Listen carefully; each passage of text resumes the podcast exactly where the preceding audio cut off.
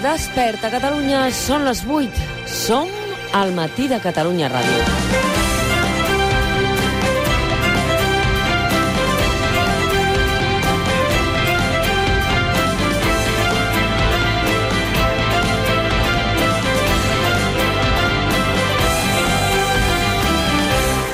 Govern de Catalunya, una presidenta del Parlament i els presidents de l'Unió Cultural i l'Assemblea Nacional Catalana hagin passat ja més de dos anys i mig tancats a la presó per haver organitzat un referèndum d'autodeterminació per unes manifestacions és un conflicte polític greu, al marge del que cadascú consideri sobre la sentència del Suprem.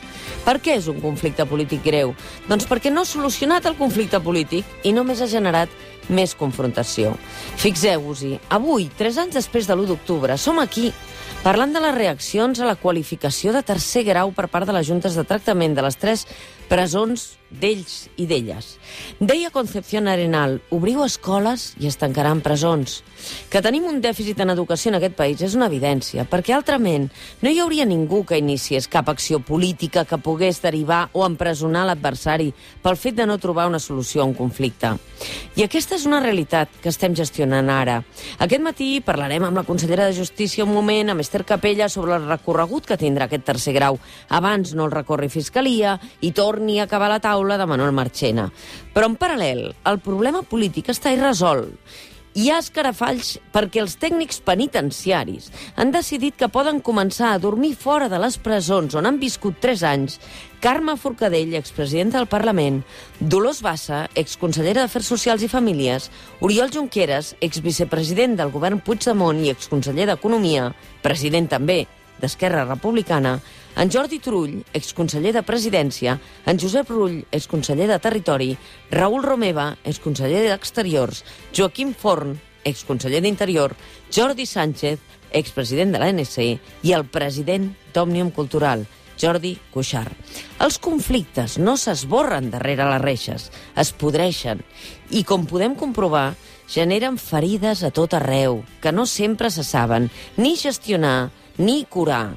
La trencadissa de l'espai postconvergent és una d'aquestes ferides, que es veu que no n'hi ha prou amb les que assumeixen els que estan condemnats i a l'exili.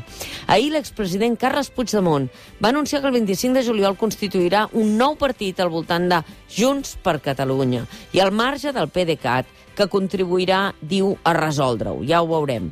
La clau no és el govern, sinó és el territori, amb alcaldes i alcaldesses a banda i banda, partidaris dels uns, dels altres. Aquest matí, per exemple, sentireu en Marc Solsona, l'alcalde de Mollerussa, o Marta Madrenes, l'alcaldessa de Girona. Però ens hem d'ocupar d'altres coses. Segur que heu sentit que l'FBI ha detingut Ghislaine Maxwell, còmplice del tràfic d'esclaves sexuals de Jeffrey Epstein, i penseu, mira, això ens queda lluny. Potser penseu que aquí això no passa, que no en tenim de víctimes de tràfic de persones. Doncs escolteu, sí que en tenim. Escolteu aquests testimonis. Me preguntamos a veces por qué a mí. Y, y más que estudié, fue a la universidad, soy abogada y me pasa esto a mí. Esto no discrimina a nadie. Tienen que preguntarlo porque si tú no preguntas, la persona está viviendo un horror dentro que tú no sabes. La demanda que hi ha al darrere, en aquest cas sobretot en temes de, de finalitats d'explotació sexual, és una demanda que està exigint que les noies siguin molt joves i en aquest sentit les xarxes doncs, estan obeint aquesta demanda i han anat a captar doncs, a, a nenes. Ha estat més fàcil traficar amb persones que amb drogues a l'estat espanyol. No te quedes mirando y escuchando el espectáculo. Acude a echar una mano Porque ese día es ella, pero mañana podrás ser tú.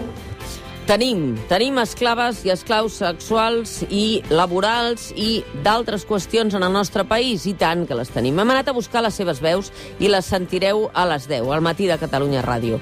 Són la punta de l'iceberg d'una realitat que viu amb nosaltres, una realitat social duríssima, inassumible, que conviu amb les persones sense llar que recompta la Fundació Arrels, amb la precarietat social i econòmica del barri de la Mina, per on van passejar fa uns dies reivindicant la convivència de famílies treballadores amb entorns de criminalitat que ahir, per exemple, els Mossos van intentar neutralitzar. I com tants altres estrips de la nostra pell social que el que necessiten és confiança, implicació, compromís i temps, que no el podem continuar regalant a les picabaralles polítiques.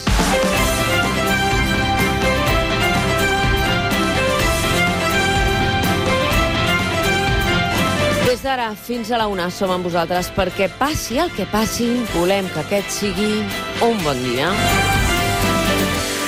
El matí de Catalunya Ràdio, amb Mònica Terribas.